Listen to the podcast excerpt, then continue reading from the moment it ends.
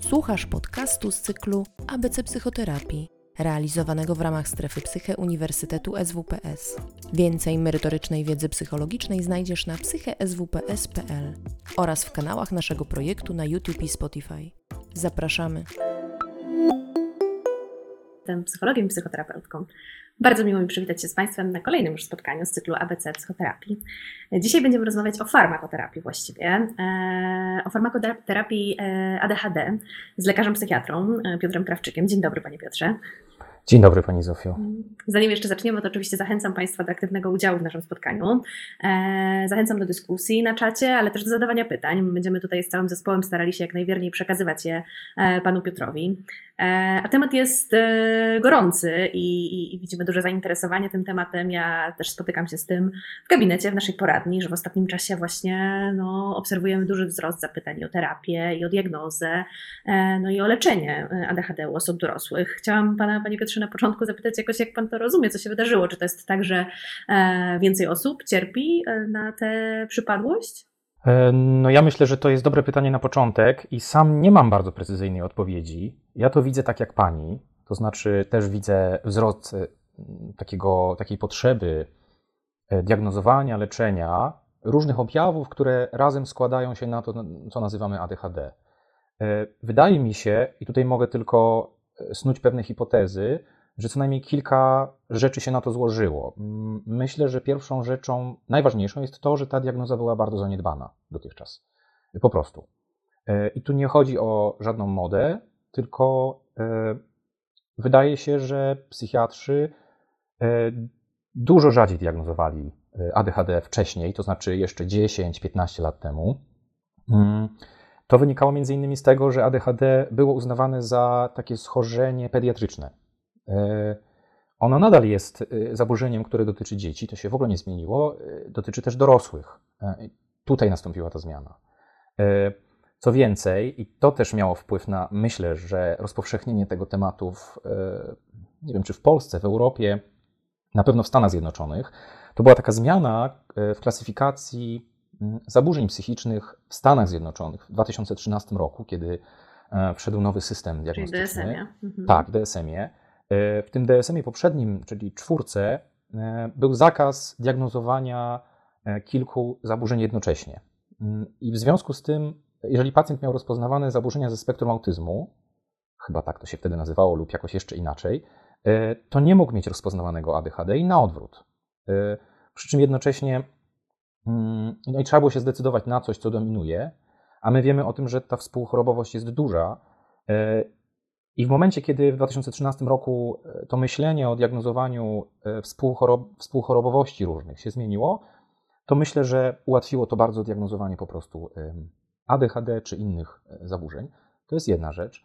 Druga rzecz to jest, myślę, takie czynniki zewnętrzne, środowiskowe, które miały wpływ na to, jak ludzie czują się w ostatnim czasie. Myślę, że tutaj ja nie chciałbym wypowiadać jakichś banałów, ale myślę sobie, że e, ostatni czas to jest taki czas, mam na myśli pandemię w Polsce, pandemię, wojnę w Ukrainie, e, różnego rodzaju trudności, one są dużym wyzwaniem.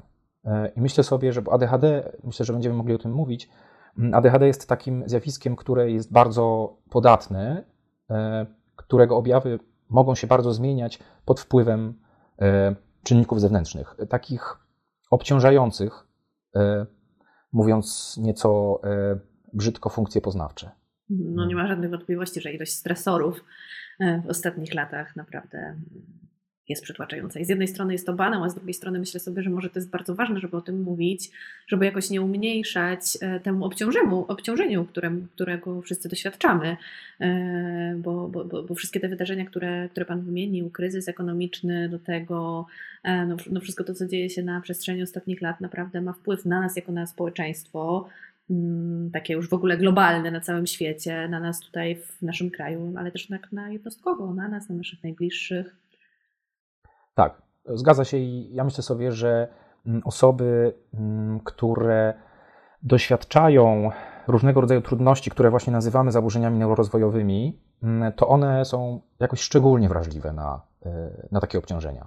Czym jest to ADHD? Czy możemy jakoś e, zdefiniować, bo, bo, myślę sobie, że znowu jest to takie, że, że jest to coś takiego, mm, o, czym wszyscy słyszeli, ale być może byłoby niezwykle cenne, żeby Pan właśnie jako lekarz psychiatra e, z jednej strony mówiąc o kryteriach diagnostycznych, ale z drugiej strony jakoś myślę o obrazie klinicznym. Mm, jak wygląda ADHD u osób dorosłych?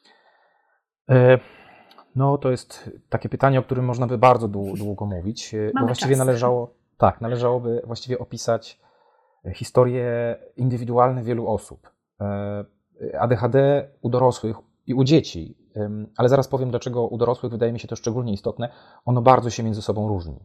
Mamy jakieś osiowe objawy, e, które rzeczywiście e, są obowiązkowe do zauważenia. Musimy je zbadać, udowodnić ich istnienie w jakimś sensie, ale one bardzo różnie wyrażają się w życiu każdego człowieka.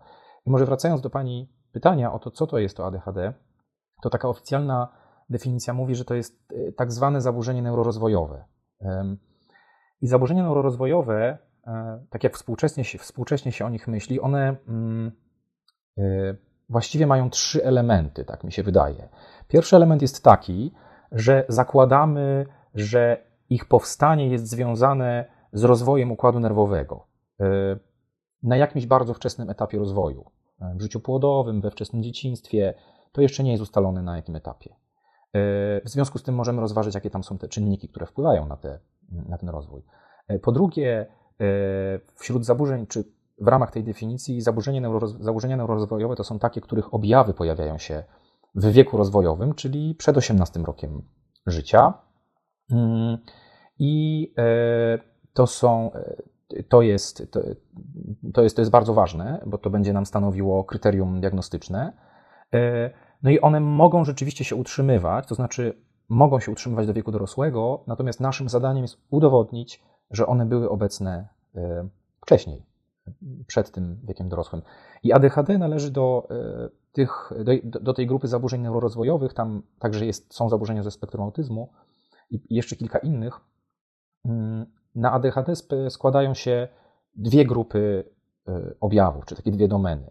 E, no to jeszcze, jeśli mogę, zanim przejdziemy tak. dalej, to, to wydaje mi się to ważne, jakoś też e, znając takie pytania i wątpliwości jakoś czasem czy pacjentów, czy, czy, czy osób, które no, no, no, nie mają takiej dużej wiedzy klinicznej, to będzie coś, co będzie, co, co oznacza, że nie można na ADHD zachorować jako dorosły człowiek.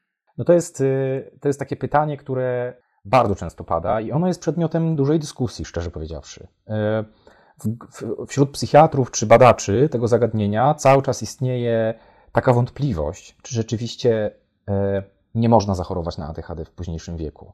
E, istnieje taki postulat, on jest, ja nie chcę go rozwijać, przyznam szczerze, że to jest właśnie w sferze dyskusji, mm, o tak zwanym ADHD o późnym początku.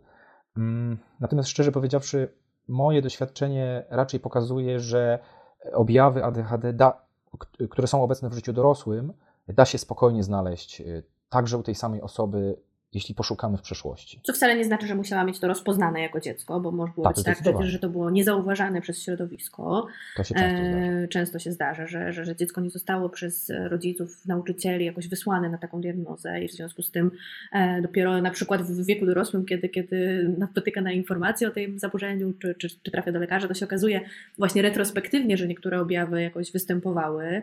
No a jakoś myślę sobie o tym, co Pan przed chwilką powiedział, że być może, że to pewnie jakoś jest taka hipoteza, która mówiłaby o tym, że no, ten neuroróżnorodny e, mózg sobie jest, ale w jakimś tam środowisku, w jakichś sytuacjach nie daje objawów i że te objawy mogą wystąpić w związku z tym, tak, w późniejszym wieku dorosłym, co nie wykluczałoby tej neuro, rozwoju tej neuroróżnorodności we wczesnym dzieciństwie. Mhm. Okay. To, to myślę, że dobrze to Pani ujęła. Ja bym tylko skomentował ten element dotyczący niezauważania objawów przez kogokolwiek e, w świecie zewnętrznym, to znaczy przez nauczycieli czy e, rodziców. E, bo tak faktycznie jest, ale e, no, między innymi dlatego, tak mi się wydaje, e, że te objawy mogą być naprawdę dobrze skompensowane różnymi strategiami radzenia sobie. Tutaj rodzina często bardzo pomaga, właśnie ci nauczyciele, samo dziecko może też bardzo dobrze sobie jakoś radzić. I często te objawy zaczynają się ujawniać wtedy, kiedy poprzeczka gdzieś rośnie, to znaczy jest, jakby jest stawiana coraz wyżej, mm, albo kiedy taka osoba traci ten mhm. system, który jakoś wspierał ją. Mhm. Zmienia się sytuacja. Tak, tak. Okej, okay, ale przerwałam, bo, bo, bo, zaczął Pan chyba mówić jakiś o tej dwóch grupach jakoś. Mhm, tak, to, to, to, dziękuję, że Pani przypomina. Są dwie grupy. Jedna to są takie dwie grupy objawów. No chyba tak, chyba tak można powiedzieć. Ja postaram się trochę to rozwinąć, podać przykłady. Mm, jedna grupa to są tak zwane zaburzenia koncentracji, czy zaburzenia uwagi, czy nieuważność, czy mm, zaburzenia funkcji wykonawczych, to się tak różnie nazywa.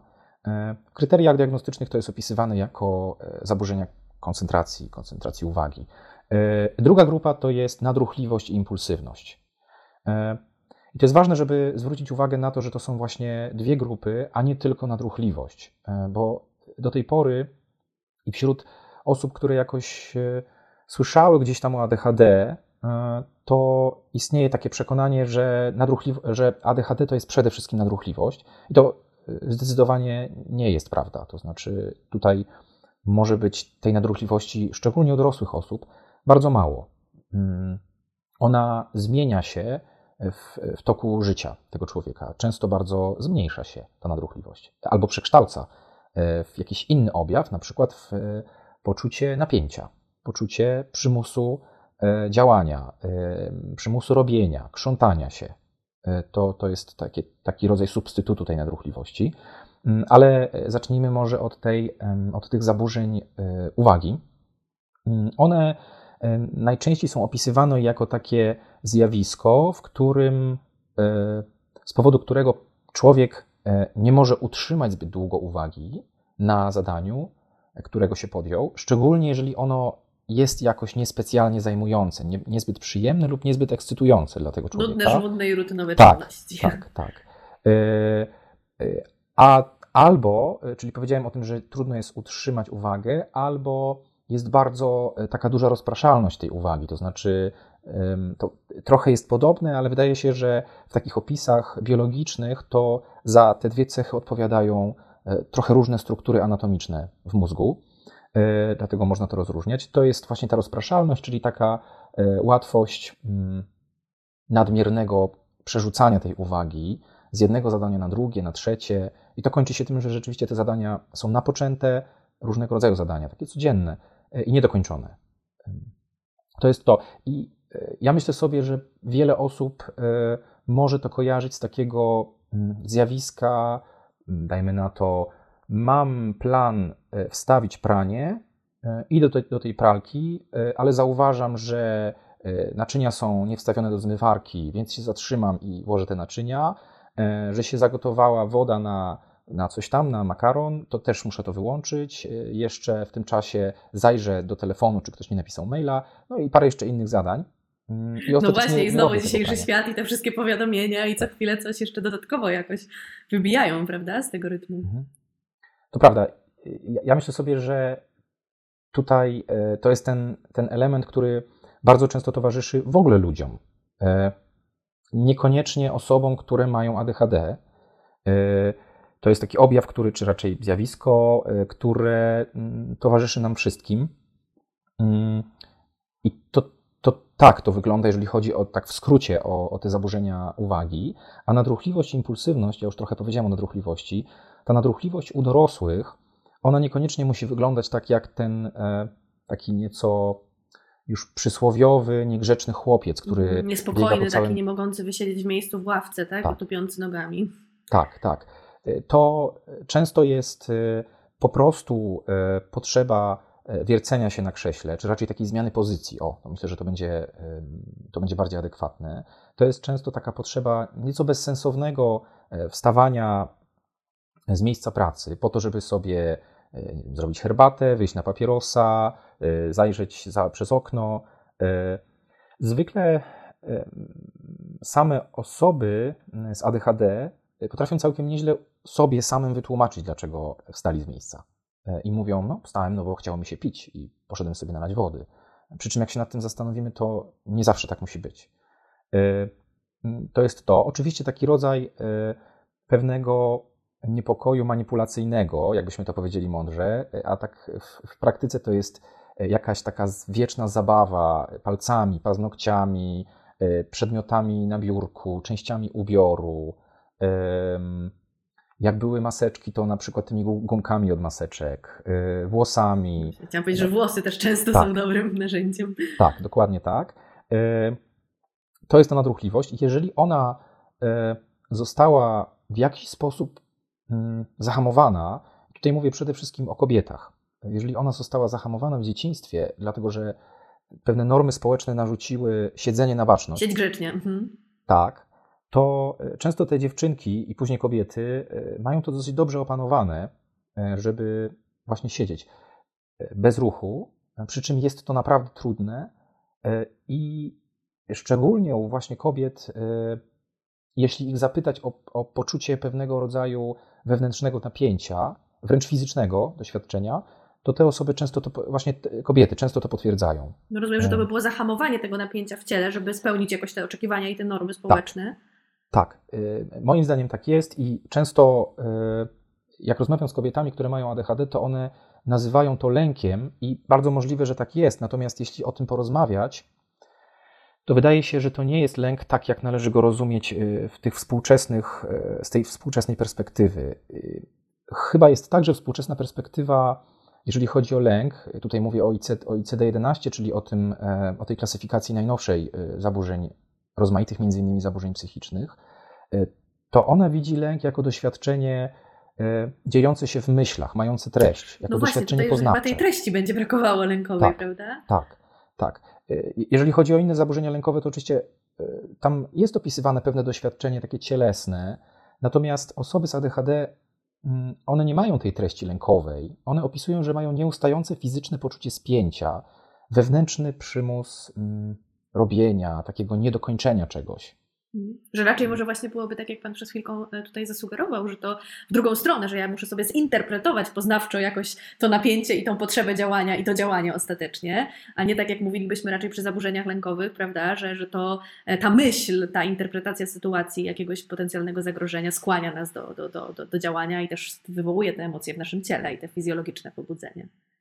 Tak, tak. Mhm. Dobrze, że Pani zwraca uwagę na to, e, na ten taki mechanizm e, interpretacji, e, taki na własne potrzeby, bo mi się wydaje, że on jest szczególnie obecny w zaburzeniach neurorozwojowych. Chyba dlatego, to jest już moja, moje osobiste zdanie czy obserwacja, jeżeli mamy jakiekolwiek zaburzenie psychiczne, które zaczyna się w dorosłym wieku, to znaczy dotyczy najczęściej osób dorosłych, no, zaburzenia nastroju, jakieś tam różne zaburzenia lękowe i tak dalej, to tutaj, ponieważ dorosła osoba ma po prostu więcej aparatu takiego poznawczego, żeby sobie to opisać, to ona to dosyć sprawnie robi. I rzeczywiście zrzuca to na karp, e, to swoje doświadczenie na karp jakiegoś nowego zaburzenia, czegoś, co się pojawiło, no na przykład depresji. E, natomiast dziecko, które rodzi się z, z ADHD, to ono nie ma takiego e, aparatu, który to opisze, jednocześnie przeżywa jakiś rodzaj trudności, no i musi sobie to jakoś wyjaśnić. W, taki, w takim języku, który jest dostępny na co dzień no nie sięgnie po żadne kategorie y, psychiatryczne, medyczne. Mhm. No im dłużej rozmawiamy, y, choć oczywiście nie są to dla mnie jakieś zupełnie nowe rzeczy, myślę też jakoś o Państwach, jak tego słuchacie, czy, czy, czy też macie podobnie, to myślę sobie jakoś o tym, że, że z jednej strony to e, jest jakoś bardzo zrozumiałe i jasne, a z drugiej strony tak niewiele różni się od czegoś takiego codziennego, co spotyka nas wszystkich. E, I myślę jakoś o tej diagnostyce, jak trudne to jest, e, żeby dla, dla osoby, no bo ja jestem w stanie sobie wyobrazić, że czasem sytuacja jest jasna. Ktoś miał, e, cierpiał na te zaburzenia od dzieciństwa, był leczony już wcześniej, diagnozowany e, i tutaj kontynuacja mm, jest, jest jakoś tam w miarę oczywista. Natomiast no, myślę sobie, że jest wiele osób, które właśnie teraz w dorosłym wieku, e, pod wpływem tego, co my dzisiaj robimy i tego, co, o czym sobie powiedzieliśmy na początku, zaczyna jakoś obserwować u siebie te podobne objawy i ma takie podejrzenia, że mogłoby cierpieć na te, na te zaburzenia, jak trudne zadanie stoi przed y, lekarzami czy psychologami, diagnostami.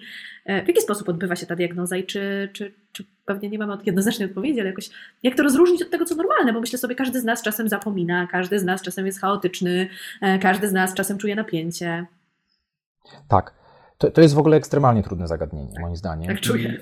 E, nie ma żadnego, żadnej takiej wyraźnej linii demarkacyjnej która mówi, co jest normą, a co nie jest normą tutaj. E, teoretycznie istnieją kryteria takie, które wydają się być konkretne. To znaczy, mówimy, że musi tam być co najmniej pięć objawów zaburzeń właśnie uwagi, co najmniej pięć objawów zaburzeń nadruchliwości i impulsywności i tak dalej. No i to sprawia wrażenie, że to jest coś bardzo konkretnego. To znaczy, to daje takie złudne wrażenie, że my wiemy dokładnie, że to jest jakoś jasno wyznaczone, ale to jest moim zdaniem wrażenie fałszywe. I zresztą eksperci od ADHD też tak to widzą. Moim zdaniem diagnoza ADHD, może najpierw powiem o tym, jakie są, jakie jest przesłanie tej diagnozy, a potem jak to wygląda w praktyce. Przesłanie jest takie, że, że przed diagnostą i pacjentem czeka taka iście archeologiczna praca. To jest taka praca, w której musimy odkryć objawy obecne w dzieciństwie, bo te objawy obecne w dorosłym życiu, to znaczy te teraźniejsze, są dosyć łatwe do zbadania. One są na wierzchu, albo może inaczej to powiem, one czasem są na wierzchu, ale one są trochę łatwiej dostępne. One bywają przykryte innymi zaburzeniami. To jest w ogóle bardzo ważne zadanie, które stoi przed diagnostami, żeby mm, też odsiać ADHD od innych współistniejących zaburzeń, bo tych bywa czasem 80%, to znaczy ta współchorobowość jest olbrzymia. E, natomiast ta, ta najcięższa praca, najtrudniejsza to jest ta praca mm, z przeszłości. To takie przypominanie sobie, czy objawy występowały w przeszłości. I to wymaga moim zdaniem mm, często e, no, długiego takiego badania. W mojej praktyce to wygląda w ten sposób, że ja rzeczywiście spotykam się z pacjentem kilka razy i to taka diagnostyka trwa kilka godzin.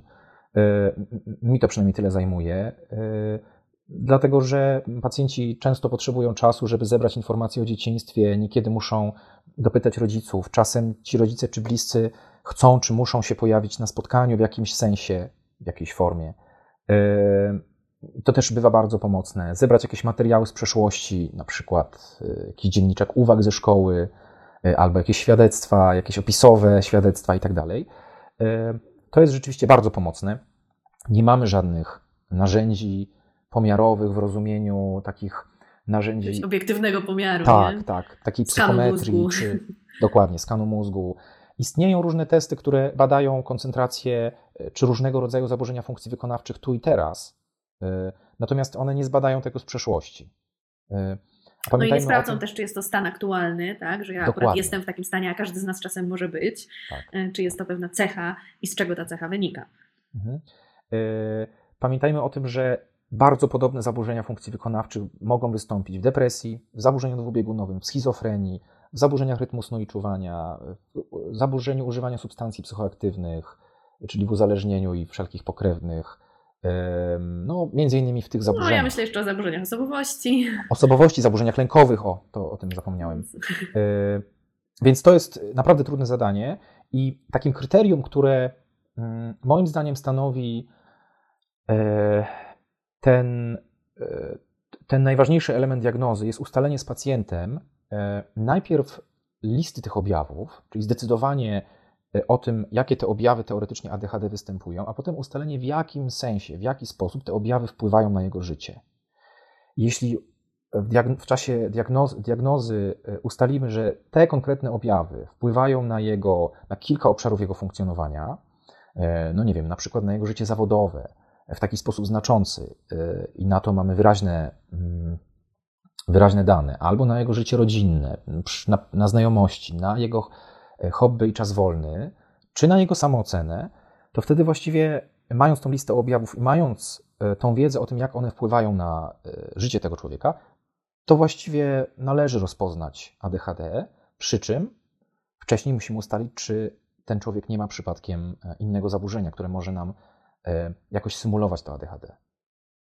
No i w praktyce to, to, to nie jest łatwe i, i, w praktyce to naprawdę może oznaczać e, nie jedną 20-minutową wizytę, na co, o czym warto pamiętać jakoś, bo, bo, bo do czego też pewnie przejdziemy, e, no, no, dobre rozpoznanie gwarantuje jakoś e, dobre leczenie, e, a, ale zanim to chciałabym e, kilka pytań z czatu jakoś poprosić Pana o odpowiedź, bo tu się dużo dzieje.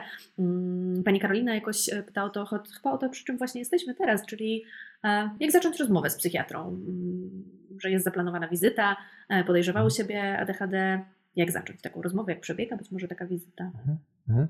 To, to jest w ogóle bardzo dobre pytanie. Ono jest co do zasady bardzo dobre, ale ono też moim zdaniem kryje w sobie drugie dno. E, proszę mnie poprawić, Pani Karolino, jeżeli jakoś źle to odczytuję, ale wydaje mi się, że istnieje jakiś rodzaj obawy osób przed takim wyjściem z inicjatywą własną.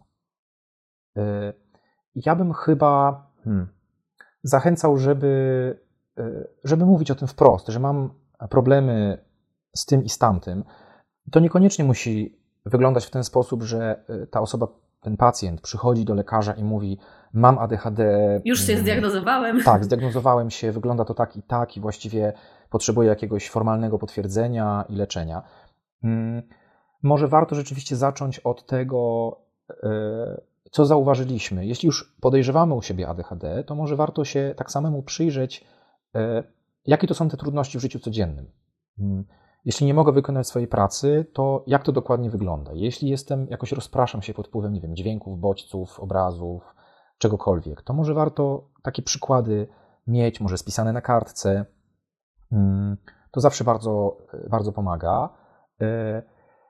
Myślę sobie, że taka pierwsza wizyta e, u psychiatry, która ma rozpocząć ten cykl diagnostyczny, ona nie różni się znacząco od innych, e, tych pierwszych wizyt. Ja mam taką zasadę, myślę sobie, że koleżanki i koledzy psychiatrzy mają podobnie, e, że na tym pierwszym spotkaniu ustalamy mm, więc stopień prawdopodobieństwa tego ADHD, czy w ogóle jest sens o tym rozmawiać, i potem i jednocześnie ustalamy, czy tam w tle nie występują jeszcze jakieś inne zaburzenia. Ja sobie, ja przed sobą stawiam takie dwa zadania na pierwszym spotkaniu. Mhm.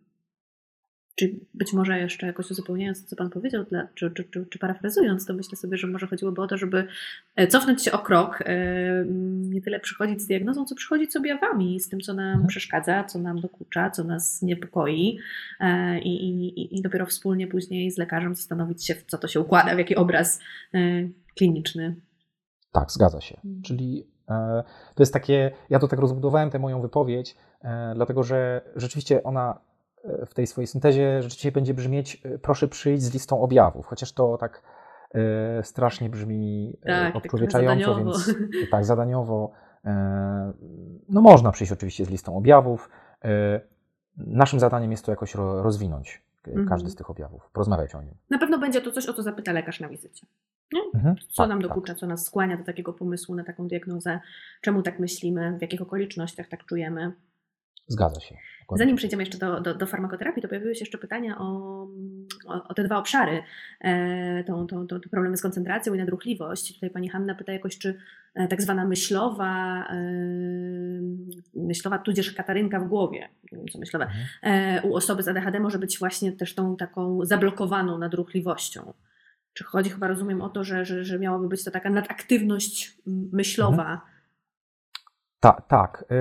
Ja nie jestem pewien, czy to się tak przekłada, to znaczy, przyznam szczerze, że nie czytałem na ten temat żadnych badań, to znaczy, nie widziałem takich badań, które miałyby sugerować, że to się tak bezpośrednio przekłada, natomiast bardzo często tak jest. To znaczy, szczególnie u kobiet, jak rozmawiam z kobietami, które mają ADHD, to one mówią o, o tej katarynce i one też mówią o tym, że od samego początku, od dzieciństwa, one zatapiały się raczej w swoim świecie wyobraźni, często gdzieś E, były opisywane czy nazywane, że one bujają e, gdzieś tam w chmurach, e, czy myślą o niebieskich migdałach.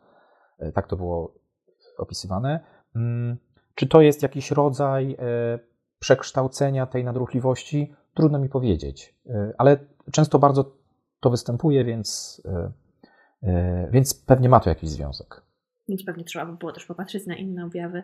A tak. pan Stanisław z kolei dzieli się jakoś e, swoim doświadczeniem, mówiąc, że e, ma taki przypadek, że kiedy mm, w jakiś sposób ma unieruchomione ręce, to natychmiast zaczynają go swędzić miejsca wymagające e, użycia ich do podrapania się. Czy to też mogłoby przypadać pod te symptomy ruchome? ruchome? Pewnie tak. To wszystko zależy od tego, jak tego jest dużo, jak często to występuje. To na pewno. Tutaj chodzi przede wszystkim o to, e, e, jaka jest ilość tych objawów. No i też znów wracam do tego, co powiedziałem wcześniej. Samo, e, sam taki przymus poruszenia rękami, on jest oczywiście objawem. Pytanie, czy on uszkadza jakoś życie tego człowieka, czy on wpływa na jego życie. Jeśli tak, no to, to, to rozmawiajmy o tym objawie. Jeśli nie, no to go odnotowujemy, ale chyba nie zaliczałbym go do takiego jakiegoś istotnego. Mhm. No i jeszcze tylko do tego, o czym powiedzieliśmy przed chwilą, pojawił się taki komentarz tutaj od lekarza psychiatry, który uczestniczy w naszym spotkaniu, jakoś potwierdzając to, że często pacjenci przychodzą, po prostu mówią, że podejrzewają u siebie to ADHD i że często mają w tym rację i że czasem oczywiście się zdarza, że nie mają, ale że, że to dobrze, jeśli pacjent mówi o swoich podejrzeniach, także to, no to jeszcze tylko chcielibyśmy zachęcić jakoś tak. tak, Państwa do tego, żeby się nie bać podzielenia z lekarzem tymi swoimi podejrzeniami. E, no dobra, no to czas na tą farmakoterapię. Jak leczy się ADHD u osób dorosłych? To jest e, taki temat, który może zacznę e, w ten sposób. E, ADHD, będę się trochę powtarzał, ale powiedziałem już, że ADHD współistnieje z innymi zaburzeniami psychicznymi. Bardzo często z zaburzeniami lękowymi, bardzo często z zaburzeniami nastroju, z depresją na przykład, czy z zaburzeniem dwubiegunowym, bardzo często z, z zaburzeniami używania substancji psychoaktywnych, czy uzależnienia od alkoholu, czy innych substancji. I myślę, że e, to leczenie osoby z ADHD, bo to jest zawsze leczenie osoby z ADHD, a nie ADHD, e, to ono wymaga e, przyjrzenia się, jakie są priorytety. Mm, to nie jest opisane w wytycznych. Wytyczne, które mamy w tej chwili, czy europejskie, czy z innych krajów, one mówią nam konkretnie, jak leczyć ADHD u, u ludzi. Mm, przy czym rzeczywiście we wstępie podkreślają, że być może u danego człowieka jest priorytet leczenia w danym momencie, leczenia jakiegoś innego zaburzenia. Więc od razu zaznaczam, że może się okazać, że po, po zdiagnozowaniu ADHD lekarz zaproponuje leczenie depresji albo leczenie zaburzeń lękowych jakąś tam metodą. E, to o tym nie będę już może więcej mówił, bo to jest jakby osobny temat. Jeśli już ustalamy, że właściwie wykluczyliśmy inne zaburzenia psychiczne, mm, to e, przechodzimy do takich rozważań o, dotyczących zaburzeń e, czy leczenia ADHD. Mm, ADHD leczymy e, albo za pomocą metod niefarmakologicznych, albo farmakologicznych. To też jakoś odpowiadamy przy okazji na pytanie na czacie. Myślę sobie tak. jedno i drugie i o to, dlaczego rozróżniamy na niefarmakologiczne i farmakologiczne metody.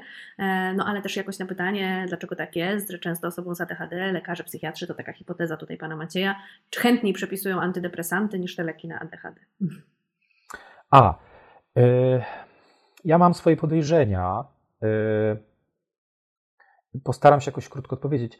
E, myślę, że są. Ja teraz mówię tylko o podejrzeniach. Myślę, że bardzo dużo osób z ADHD ma po prostu depresję lub zaburzenia lękowe i te leki, które są przepisywane, te, te leki przeciwlękowe czy przeciwdepresyjne, one po prostu mogą świetnie pomóc. Znaczy, bardzo, bardzo pomóc temu człowiekowi.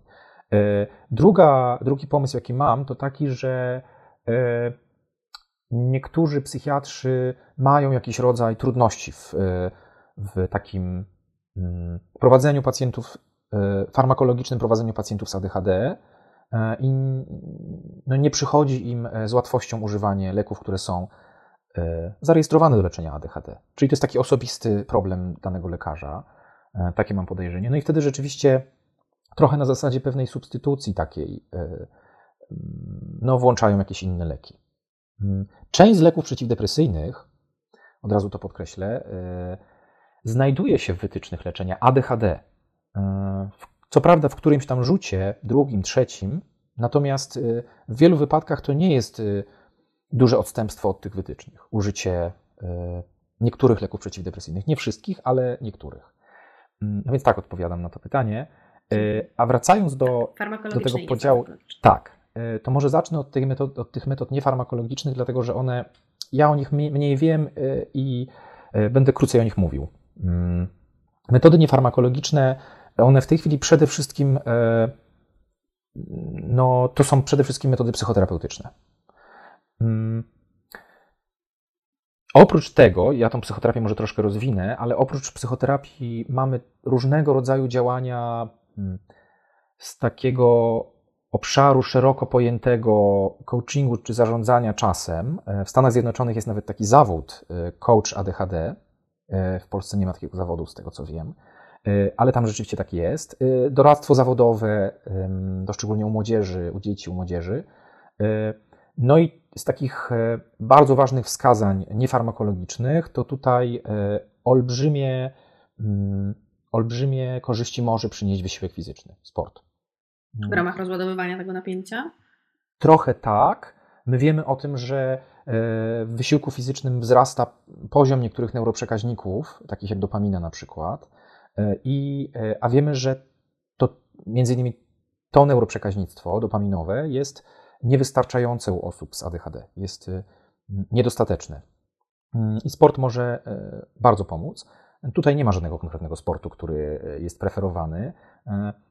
Pacjenci, z którymi ja się spotykam, e, mówią, że często e, sport bardzo im e, pomaga, pozwala im skupić się albo w trakcie samego wykonywania sportu, albo już po. Mm, często bardzo preferują sporty takie szybkie, dynamiczne, takie, które wymagają rzeczywiście dużej dawki energii. No, ale to jest już bardzo indywidualne. Okej. Okay. Mm. Tu jeszcze w międzyczasie pojawiła się taka wskazówka um, od jednej z osób na czacie, że zdecydowanie najlepszą rzeczą, którą zrobiłem dla kompensacji objawów ADHD, a diagnozę mam od szóstego roku życia, jest medytacja. Czy słyszał Pan coś może o mhm. badaniach w tym aspekcie? Tak, medytacja e, stanowi jeden z ważnych elementów. On jest e, takim zagadnieniem mm, mocno przebadanym i ma bardzo dużo dobrych dowodów. Tu jest medytacja, trening uważności. E, zresztą elementy treningu uważności często są, z tego co wiem, wplatane przez psychoterapeutów do e, terapii e, i przynoszą bardzo dobre efekty. Także zachęcam, żeby ten temat e, jakoś się z nim zapoznać. Przy czym jednocześnie ja bardzo często słyszę od pacjentów, że medytacja to jest coś, czego nie są w stanie ci pacjenci robić, jest to dla nich niezwykle trudne. To jakoś chciałbym tak dać taki przekaz, że o tym mówią wszyscy, to znaczy bardzo dużo osób z ADHD o tym tak, tak to widzi. I wydaje mi się, że, mm, że to jest jedno, jedna z tych metod, która jest y, mało inwazyjna i myślę, że nawet jeżeli mamy y, trudności, to warto je spróbować. Właśnie chyba na tym to polega, prawda? Że o to chodzi, że tak. nie jesteśmy od razu buddyjskimi mnichami, szczególnie jeśli tak. mamy to ADHD, no to może to być szczególnie trudne i pewnie to, to doświadczenie, o którym mówi Pan, e, który się podzielił z nami na czacie, to też nie było tak, że od razu był w stanie, tylko być może właśnie ta trening tej umiejętności panowania nad tym swoim umysłem, wyciszania się poprzez mhm. medytację, czy jakikolwiek inny trening uważności, mindfulness, pewnie tak. jakaś yoga, wszystkie te rzeczy, które będą mhm. jakoś koiły nas, wyciszały, pozwalały nam bardziej zapanować nad tym naszym umysłem i niespokojnym ciałem, byłyby tutaj cenne. Tak, zgadza się. E, rzeczywiście tak jest i warto tutaj chyba korzystać z pomocy, jeśli nam jest tak trudno bardzo samemu tego robić, to warto jest po prostu korzystać z pomocy profesjonalistów, e, trenerów mindfulness, psychoterapeutów, tych osób, które rzeczywiście wiedzą, jak przekazać wiedzę o, o medytacji bo wydaje mi się, że osoby z ADHD często potrzebują takiego wsparcia zewnętrznego, jakiejś struktury, w której mogą się e, utrzymać. Mm. To to jest to. E, psychoterapia. Nie ma żadnego konkretnego nurtu psychoterapii, który jest lepszy lub gorszy. E, nie mamy na to badań. Bardzo dużo mówi się o terapii poznawczo-behawioralnej. Rzeczywiście ona ma najwięcej badań. Natomiast wiele różnych nurtów psychoterapii terapia dialektyczno-behawioralna jako odmiana, powiedzmy, terapii poznawczo-behawioralnej. E, czy... Terapia akceptacji i zaangażowania też chyba miała tak. dużo elementów, które byłyby cenne tutaj. Tak, zgadza się, e, ale także zupełnie inne techniki psychoterapeutyczne, takie, które uwzględniają pracę z ciałem, też mogą być bardzo przydatne. To wymaga chyba indywidualnego podejścia. Ja to widzę w ten sposób. U osób dorosłych, bo przyznam szczerze, że nie wiem, jak to wygląda u dzieci. Ja się dziećmi nie zajmuję Wydaje mi się, że to może wyglądać troszeczkę inaczej u dzieci. Natomiast u dorosłych mm, jestem niemal przekonany, że praca psychoterapeutyczna mm, z osobami, e, którą wykonują osoby, e, które mają ADHD, ona nie polega w dużej mierze na zajmowaniu się objawami ADHD. E, jestem przekonany, że z powodu nawarstwionych przez lata takich niedobrych strategii radzenia sobie z objawami ADHD, te osoby tak naprawdę często e, przede wszystkim w psychoterapii pracują nad e, czymś, co nazwalibyśmy ogólnie poczuciem własnej wartości, takim przekonaniem o, o tej swojej wartości. Pracują też nad lękiem e, wobec różnych wyzwań.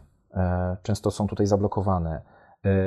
I myślę sobie, że to są takie tematy, które w psychoterapii często się zdarzają, niezależnie od tego, czy ktoś ma ADHD, czy, czy nie ma tego ADHD.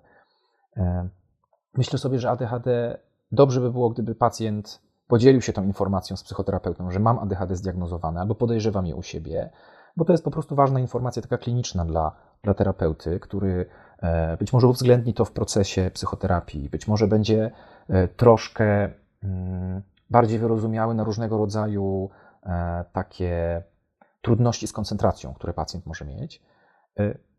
Ale, ale myślę sobie, że główne tematy nie różnią się w psychoterapii, nie różnią się bardzo od tych, które są poruszane przez osoby bez ADHD. Tak, to chyba właśnie. to. Jak jest z leczeniem czas farmakologicznym? Farmakologicznym. E, ja, ja, tylko jeszcze powiem, bo przypomniało mi się, że w Stanach Zjednoczonych ten e, rynek metod niefarmakologicznych się cały czas rozwija i on jest e, taki naprawdę zróżnicowany. Na przykład już od paru lat na rynku amerykańskim są gry komputerowe, które są przeznaczone dla dzieci i chyba dorosłych do leczenia objawów ADHD, gry wideo, gry komputerowe. One są oficjalnie zarejestrowane przez FDA i są na receptę. Więc to jest bardzo ciekawe zjawisko. E, z tego co wiem, one nie są dostępne w Polsce, e, przynajmniej oficjalnie. No to pewnie kwestia czasu. Tak. E, jest też taka, taki pomysł na to, żeby stosować różnego rodzaju neuromodulacje, neurostymulacje.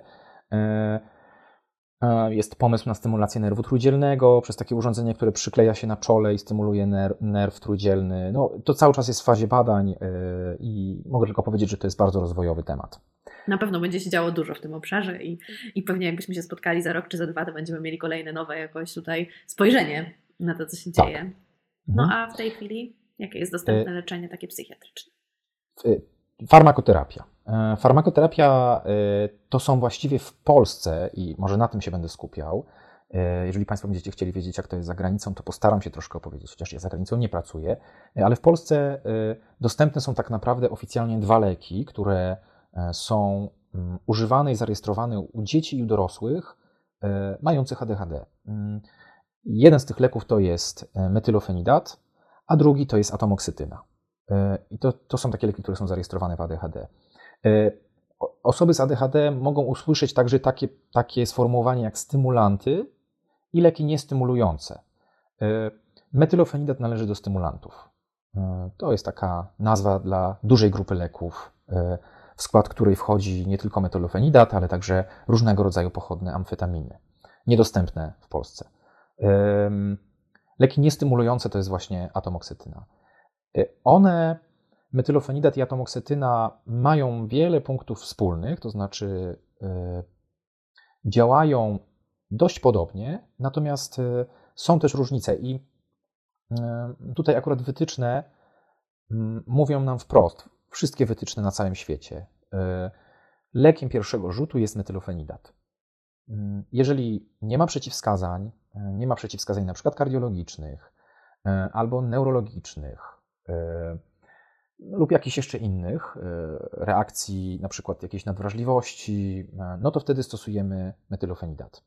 Atomoksytyna jest lekiem raczej drugiego rzutu, w tym sensie, że ona Niektóre badania pokazują, że ona może być troszkę mniej skuteczna, natomiast y, to nie jest tak. Y, wydaje mi się, że ona jest rozwiązaniem dla osób, które nie tolerują metylofenidatu. Jest tych osób dużo. Mhm. Y, A czy do takich osób będą należały, należały jakoś osoby, które mają zdiagnozowaną epilepsję? Pytam, bo tutaj pani Alicja jakoś zadała to pytanie, czy mhm. wtedy jedynym bezpiecznym lekiem jest ta atomoksytyna? Mm, wydaje mi się, że y, epilepsja, jeżeli jest prawidłowo leczona, y, to nie jest przeciwwskazaniem do stosowania stymulantów. Mm, ale przyznam szczerze, że to już by trzeba było bardzo indywidualnie rozpatrywać. Indywidualnie spojrzeć. Mhm. Mhm. To, tak. to jeszcze jak przy tym jesteśmy, to, to też jest takie pytanie, czy, jakie są opcje leczenia dla osób ze zdiagnozowanym i leczonym nadciśnieniem tętniczym? Bardzo dobre pytanie. Y, skoki ciśnienia, zwyżki ciśnienia, czy po prostu nadciśnienie tętnicze należy do jednych z istotnych działań niepożądanych e, i stymulantów, i, i leków niestymulujących. E, I tutaj znów wytyczne mówią dość, dość e, jasno. Jeżeli mamy nadciśnienie tętnicze dobrze kontrolowane, bierzemy leki, mierzymy to ciśnienie, to stymulanty nie są przeciwwskazaniem. Natomiast użycie stymulantów, ja staram się jakoś to u pacjentów wypracowywać użycie stymulantów i leków niestymulujących, czyli właściwie wszystkich, które stosujemy w ADHD, e, wiąże się z tym, że będzie trzeba mierzyć ciśnienie tętnicze krwi. E, być może wykonać jakieś dodatkowe badania typu EKG, może jakaś wizyta kontrolna u kardiologa,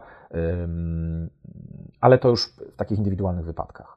E, więc samo nadciśnienie tętnicze, jeżeli jest dobrze leczone, nie stanowi przeciwwskazania. No, jak działają te leki? To znaczy, co one robią? E, no, no jakoś tutaj jest dużo kontrowersji wokół tego leczenia, czy takiej ciekawości w związku z tym, że to jest pochodna, właśnie amfetaminy, że to stymulanty. E, jak to działa? Jak, no, oczywiście w takim dostępnym dla nas wszystkich, e, nie mającej takiej dużej wiedzy o, o, o mózgu formie bardzo poprosimy, Panie Piotrze. Tak, postaram się to jakoś zgrabnie opowiedzieć. Po pierwsze, chyba warto powiedzieć, że ta wiedza jest dość ograniczona. To znaczy, sam mechanizm działania tych leków jest znany. Natomiast to, co się tam dzieje w mózgu, e, no to do tego mamy trochę gorszy dostęp. Więc te, te, te mechanizmy są pewną hipotezą. One są dosyć dobrze sprawdzoną hipotezą, ale wciąż są hipotezą. E, wydaje się, że u osób z ADHD istnieje pewien rodzaj e, takiego niedostatku, niedostatku w przekaźnictwie w mózgu, w przekaźnictwie mm, dwóch neuroprzekaźników, noradrenaliny i dopaminy. Neuroprzekaźniki to są substancje, które w naszym mózgu, w naszym ciele służą do komunikacji między komórkami nerwowymi. E, I ich e, niedobór w jakimś sensie, niedostateczne wytwarzanie, wydzielanie u osób e, z ADHD, my nie wiemy, jak już powiedziałem, dlaczego tak się dzieje. Ale jeżeli on zaistnieje, no to on będzie powodował te objawy, które my znamy jako objawy e, pewnej nieuważności, nadruchliwości czy, e, czy impulsywności. Ja to lubię porównywać, nie wiem, czy ta metafora będzie Państwu odpowiadać, ale lubię sobie wyobrażać, że my mamy jakby dwa mózgi. Mm, jeden mózg to jest taki mózg ewolucyjnie starszy, niektórzy mówią o nim gadzi mózg, i drugi taki nowy mózg, i to jest to, co nazywamy korą mózgową. E, one ze sobą współpracują e, bardzo ściśle, natomiast odpowiadają za różnego rodzaju zadania. Ten gadzi mózg odpowiada za pewne procesy fizjologiczne, e, realizację pewnych biologicznych potrzeb, takich jak sen, apetyt, rozmnażanie, regulacja temperatury.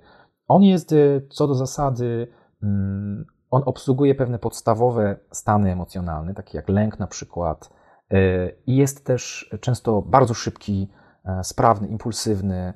E, natomiast ten mózg nowy, ten, ta kora czołowa, czy kora mózgowa, tutaj mówimy o korze czołowej, mm, to jest taki mózg analityczny, który pozwala planować, pozwala odraczać e, cele, analizować, już powiedziałem. I lubię to porównywać do takiego mm, układu, jaki można by zaobserwować w wojsku. Wyobrażam sobie, że można porównać ten mózg E, starszy, ten gadzi mózg, do, takich, do takiej grupy młodych żołnierzy, rekrutów, którzy przychodzą do, do wojska, są jeszcze nieukształtowanymi żołnierzami, są bardzo energiczni, żywiołowi, mają niepokorni. dużo pomysłów, niepokorni, działają szybko, ale są bardzo kreatywni. E, nie można ich zaskoczyć w żaden sposób. E, są świetnym materiałem na żołnierza, ale wszyscy zdajemy sobie sprawę z tego, że jeżeli ich nie ukształtujemy, to mm, nie będą dobrymi żołnierzami. No i tutaj pojawia się jakiś rodzaj oficera, generał, nie wiem kto tam, i on e, powinien po prostu zarządzić tymi e, młodymi rekrutami. I wydaje się, że tutaj ten, ten, ten oficer to jest e, kora przedczołowa. To jest kora czołowa przedczołowa u człowieka. I wydaje się, że u osób z ADHD ten oficer jest trochę śpiący, nieaktywny, jakoś wycofany, może wypalony, nie wiem jakiego słowa użyć. I jeżeli dołożymy mu stymulanty, tutaj trochę uzasadniam ten wybór akurat stymulantu, a nie leku uspokajającego, e, my nie chcemy uspokajać tego generała, my chcemy go pobudzić. E, no i ten generał dzięki temu, że zostanie pobudzony, świetnie zarządzi tymi rekrutami. Mm. I tak bym porównał, e, do tego bym porównał, taki jest mechanizm. Mm. Te leki, zarówno jeden, jak i drugi, powodują zwiększenie stężenia dopaminy i noradrenaliny w korze przedczołowej, mówiąc już tak biologicznie. Zasada leczenia czy użycia leków e, jest mm, taka, że, zaczyna, że należy użyć właściwej dawki. To jest straszny banał, który ja opowiadam, ale tam rzeczywiście prawdopodobnie jest takie miejsce, jeżeli chodzi o dawkowanie, które dla osoby z ADHD będzie najwłaściwsze. E, użycie zbyt małej dawki tych leków po prostu będzie nieskuteczne. Użycie zbyt wysokiej dawki tych leków wygeneruje działanie niepożądane. E, więc tutaj naprawdę musimy celować w w taką idealną dawkę i od razu mówię, dla każdego jest to inna dawka. Nie istnieją żadne standardowe dawki.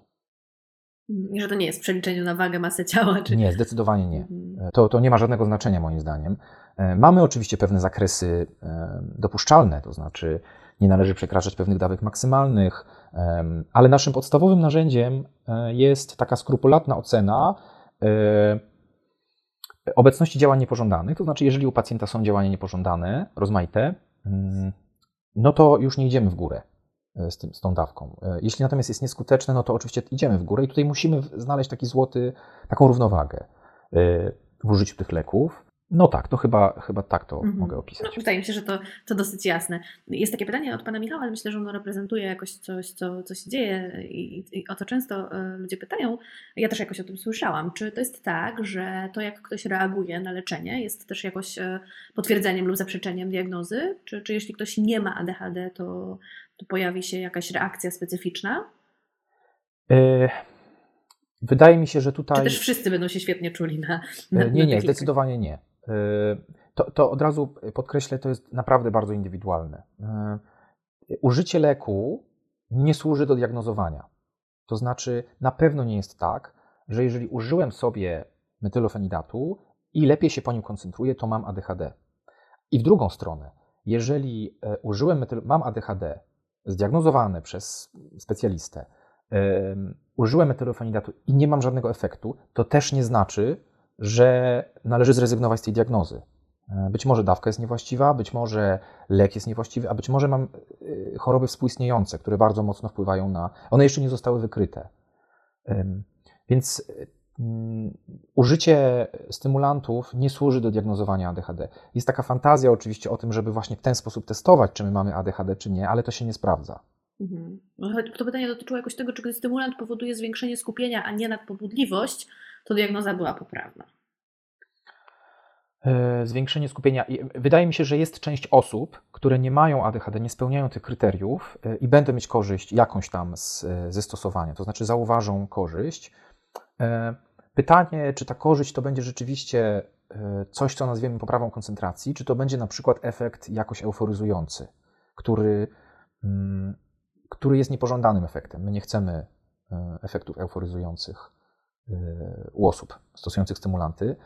Mm, więc tutaj tak naprawdę e, bardzo istotna jest rola tego procesu diagnostycznego, dlatego że jeżeli ustalimy sobie konkretną listę objawów na samym początku, w trakcie diagnozy, to my potem po wdrożeniu leczenia wracamy do tej listy i ustalamy, ok, co się poprawiło, co się zmieniło. Bez tej listy, moim zdaniem, czyli bez rozmowy, bez diagnozy, moim zdaniem nie da się ocenić skuteczności tego leczenia.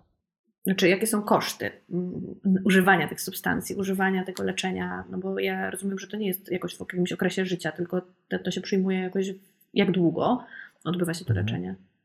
E, to, to, jest bardzo różne. E, założenie jest takie, że ADHD jest e, u wielu osób, jeżeli mm, jeżeli utrzyma się do wieku dorosłego, to ono rzeczywiście jest obecne często bardzo długo. Ja mam takich pacjentów i pacjentki, którzy no, są już bardzo dojrzałymi osobami, mają cały czas bardzo obecne e, objawy ADHD.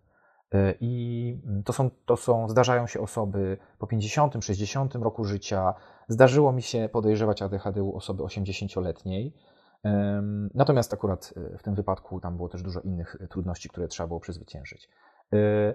I więc tutaj bywa różnie, natomiast jednocześnie ja chciałem powiedzieć, że u osób dorosłych objawy ADHD, ich, ich wpływ na życie może być bardzo zmienny. I może się okazać, że jeżeli, że po okresie leczenia i przejścia przez pewne trudne momenty, przez pewne wyzwania, e, z użyciem na przykład stymulantów, e, ta osoba odnajdzie jakieś takie, mówiąc górnolotnie, miejsce w swoim życiu, to znaczy znajdzie na przykład pracę odpowiednią dla siebie, E, albo wejdzie w jakąś relację, która będzie pomocna dla tej osoby, albo pójdzie na psychoterapię i przepracuje pewne rzeczy, to e, często możemy zmniejszyć dawkę lub zaprzestać okay. używania tych leków. Tutaj e, pojawiło się pytanie do tego, co Pan przed chwilką powiedział jakoś e, o tym euforyzującym efekcie. Czy, czy, czy ta euforia jest jakoś niebezpieczna? Czy, czy, czy według Pana to będzie, nie wiem, jakoś zwiastował epizod maniakalny? Czy mógłby Pan to rozwinąć? E czy euforia jest niebezpieczna? Trudno powiedzieć. Natomiast e, jest takie przekonanie, że e, jeśli stymulanty wywołują efekt euforyzujący, to e, niesie to ze sobą większe ryzyko ich nadużywania. Mm, tutaj najwięcej badań dotyczy pochodnych amfetaminy, rozmaitych, które są dostępne w Stanach Zjednoczonych czy w innych krajach Europy. Rzadko kiedy zdarza się to na metylofenidacie. Mm, no ale to tak jest. Jeżeli chodzi o powiązania między tą euforią a podejrzeniem choroby dwubiegunowej, zdarza się oczywiście, że, e, że stymulanty mogą wygenerować w jakimś sensie epizod maniakalny lub spowodować pewne rozchwianie nastroju. E, natomiast e, między innymi dlatego to jest tak ważne, żeby zebrać ten wywiad i jeżeli mamy pacjenta z chorobą dwubiegunową i ADHD, co jest wcale nie takie rzadkie, E, to, to jest super ważne, żeby leczyć tą chorobę dwubiegunową. E, I wtedy jest bezpiecznie, wtedy można używać stymulantów. Mhm. No a jak to jest z używaniem medycznej marihuany, medycznych konopi przy ADHD? Czy Pan ma jakąś opinię na ten temat? To jest e, bardzo trudny temat i doniesienia pochodzą przede wszystkim z krajów, w których marihuana jest po prostu legalną używką. Bardzo dużo psychiatrów amerykańskich mówi o tym, no nie wiem, chociażby w stanie takim jak Kalifornia, gdzie marihuana jest legalną używką. Tam większość pacjentów używa marihuany w mniejszych lub większych ilościach. Sięga Psychiatrzy... po prostu po nią, rozumiem, bo to pozwala tak, jakoś tak wyciszyć tak. objawy. I tutaj, mm, tutaj tak naprawdę nie mamy żadnych mocnych czy, czy takich jednoznacznych badań. Ja bym może nie chciał wylewać dziecka z kąpielą, ale mm, kłócą się tutaj ze sobą dwie, e, dwa sposoby myślenia, czy dwie obserwacje. Jeden to jest taki, w którym być może marihuana może zmniejszać objawy lękowe. Tutaj być może chodzi o jeden z elementów, e, czy raczej składników marihuany, czyli cannabidiol. E, ale jednocześnie mamy bardzo dużo dowodów na to, że marihuana używana w młodym wieku u nastolatków znacząco, znacząco zwiększa ryzyko wystąpienia poważnych zaburzeń psychicznych, łącznie z, z epizodami psychotycznymi. I tutaj bym raczej odradzał używania mhm. marihuany. Czy są jakieś badania na temat leczenia psychodelikami? Ja nie spotkałem się z tymi badaniami i nawet zdarzyło mi się szukać danych w literaturze i nie znalazłem. Mm, Wydaje mi się, że temat psychodelików jest bardzo gorący, ale on w tej chwili jest skoncentrowany wokół tak, leczenia. na innych obszarach, prawda? Tak, depresji, PTSD. I tam jest rzeczywiście sporo sukcesów. Natomiast ADHD chyba na razie zosta, zostało na później. Mhm. Chciałabym jeszcze e, tutaj przekazać takie pytania dotyczące jednak tego procesu diagnostycznego, bo one też się pojawiają. E, w ogóle jest bardzo dużo pytań, także Szanowni Państwo, pewnie na wszystkie nie damy rady odpowiedzieć, ale mm, no jeszcze myślę, że na dwa, trzy mamy czas. E, czy takie badanie E, QEG byłoby jakoś badaniem potwierdzającym diagnozę ADHD, a, a, a jeszcze do tego jakoś, czy, e, czy można wykonać badanie poziomu neuroprzekaźników w mózgu i, i jeśli tak, to czy jest szansa na wykonanie takiego badania na Narodowy Fundusz Zdrowia? Czy coś Pan o tym wie? Może na to drugie odpowiem Dobra. najpierw. E, nic mi na ten temat nie wiadomo. Z całą pewnością nie można tego wykonać na Narodowy Fundusz Zdrowia. I też nie mamy żadnych, żadnych danych w literaturze. Ja się nie spotkałem, żeby to było jakiekolwiek narzędzie diagnostyczne. Y, to, y, to byłoby skomplikowane, to znaczy nie jesteśmy w stanie we krwi zbadać tych neuroprzekaźników. Mm, Nas by interesowały tak naprawdę neuroprzekaźniki w szczelinie synaptycznej. Tego się fizycznie nie da zrobić. Jakiejś obserwacji to by wymagało dłuższej, prawda? Nie, tak. nie chwilowego stanu. To jest chyba, ale to taka nasza potrzeba tego, żeby mieć jednoznaczną odpowiedź, nie? żeby zrobić sobie badanie krwi i wiedzieć. A no tak się niestety nie da, drodzy Państwo. Podobnie jest, e, podobnie jest z, tym, z innymi badaniami. Badaniami EEG, badaniami obrazowymi. Ja od razu trochę e, wrzucę to, być może ku niezadowoleniu wielu osób, do jednego worka. E, wytyczne mówią, nie jest bardzo, nie jest to wskazane, aby generować dodatkowe badania laboratoryjne pracowniane. Diagnoza ADHD jest diagnozą opisową, wymaga zebrania bardzo szczegółowego wywiadu, i polega na ustaleniu obecności objawów w przeszłości i obecnie. Nie da się zbadać za pomocą żadnego e, narzędzia pomiarowego ani, ani laboratoryjnego objawów w przeszłości. Mhm. To, to, jeszcze pozwolę sobie na dwa, trzy pytania, dobrze? Takie mm, tutaj od uczestników. Pojawiło się takie pytanie na temat współwystępowania wysokiego poziomu prolaktyny e, u osób z ADHD. Czy, czy, czy, czy są jakieś badania? Czy Pan coś wie o tym, żeby było takie połączenie? E, wysoki poziom prolaktyny. Ja e, nie widziałem, Tak, nie widziałem takich wyników, które, czy takich badań, które wskazywałyby jasno, że to jest powiązane akurat z ADHD. Wysoki poziom prolaktyny spotyka się w bardzo wielu stanach, powiedziałbym, psychicznych. Wysoki poziom prolaktyny podnosi się w stresie, podnosi się po nieprzespanej nocy, podnosi się w głodzie, podnosi się po naszych lekach niektórych psychiatrycznych. E, no i oczywiście może być też patologiczny w rozumieniu takim endokrynologicznym. E, więc tutaj na pewno nie wyciągałbym żadnych wniosków klinicznych na podstawie pomiaru prolaktyny. Okay. To, to, to, może jakoś to by było dobrym pytaniem na koniec e, tematu, którym no, no, jest jakoś leczenie farmakologiczne ADHD. Już troszkę też Pan o tym powiedział, ale też takie pytania się tutaj pojawiają na czacie. Jaki byłby koszt odstawienia e, leczenia farmakologicznego? Jaki jest moment, w którym można zakończyć to leczenie? E, czy jeśli ktoś chciałby skorzystać z innych metod, o których Pan wspomniał, jak w sport czy medytacja, to, to należałoby zrezygnować z tej farmakoterapii? E, ja myślę sobie, że chyba znam odpowiedź, ale poproszę Pana oczywiście. No nie trzeba rezygnować z farmakoterapii, jeżeli się jakoś nie chce, natomiast to jest zawsze dosyć indywidualne i do ustalenia z lekarzem prowadzącym. Jeżeli jest tak, że leki wyraźnie pomagają, mamy na to dowody, e, to nie ma żadnych e, przeciwwskazań, aby je kontynuować. Nie ma kosztów jakichś ciężkich dla organizmu, dłuższego przyjmowania tych substancji? Mhm. Wygląda na to, że, że nie. To znaczy, mm, jeżeli kontrolujemy ciśnienie, jeżeli trzymamy się ustalonej dawki, którą ustaliliśmy z lekarzem, to prawdopodobnie nie ma żadnych kosztów. Metylofenidat jest lekiem starym. On powstał w 40 którymś roku. E, został do, wprowadzony do użycia w latach 50. Jest, jest z nami od tamtej pory, więc e, całkiem sporo już o nim wiemy. E, jest też, proszę pamiętać o tym, że to jest lek stosowany u dzieci i w związku z tym mm, jest, wydaje mi się, taka duża uważność na to, czy on nie robi krzywdy. No i, i dlatego uważam, że można o nim mówić jako o leku bezpiecznym, jeśli się stosujemy w tych granicach, które są, które są ustalone z lekarzem prowadzącym. Mm, odstawianie, za odstawienie muszą być jakieś konkretne argumenty. To znaczy, jeżeli pacjent mówi mi, mam taki, taki pomysł na siebie, chciałbym spróbować sportu. Zobaczcie, jak e, będzie bez. Tak, psychoterapii, mindfulness, to ok.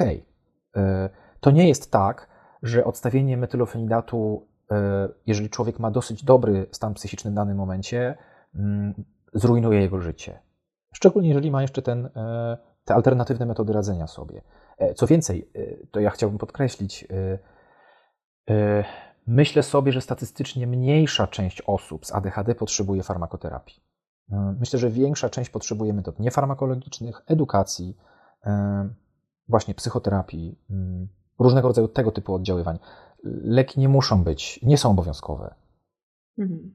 No ale jeśli przynoszą korzyści, jakoś zmniejszają tak. cierpienie, pozwalają sobie lepiej radzić, to na pewno warto przynajmniej rozważyć wizytę u psychiatry, rozważyć podjęcie tej farmakoterapii. Tak. To też chyba jest ważne, tak sobie wyobrażam, że to nie jest tak, że wizyta u lekarza psychiatry jest taką diagnozą czy hipotezą diagnostyczną od samego siebie, od czego zaczęliśmy, e, czy od bliskich, już koniecznie oznacza podjęcie leczenia. Zawsze możemy nie podjąć leczenia, nawet jeśli lekarz je sugeruje, a poza tym możemy skorzystać, jak rozumiem, z takiej wizyty, żeby się właśnie dowiedzieć o tym, jakie alternatywne metody mogłyby być, albo e, dostać taką, takie leczenie jako pewną opcję, z której możemy, ale nie musimy skorzystać. To, to nie są leki takie, rozumiem, które no, koniecznie trzeba brać i które ratują mm, życie, prawda? Chyba tak, chyba można tak powiedzieć. Y, one mogą w wielu wypadkach bardzo pomagać. Y, szczególnie część z nich jest naprawdę bezpieczna.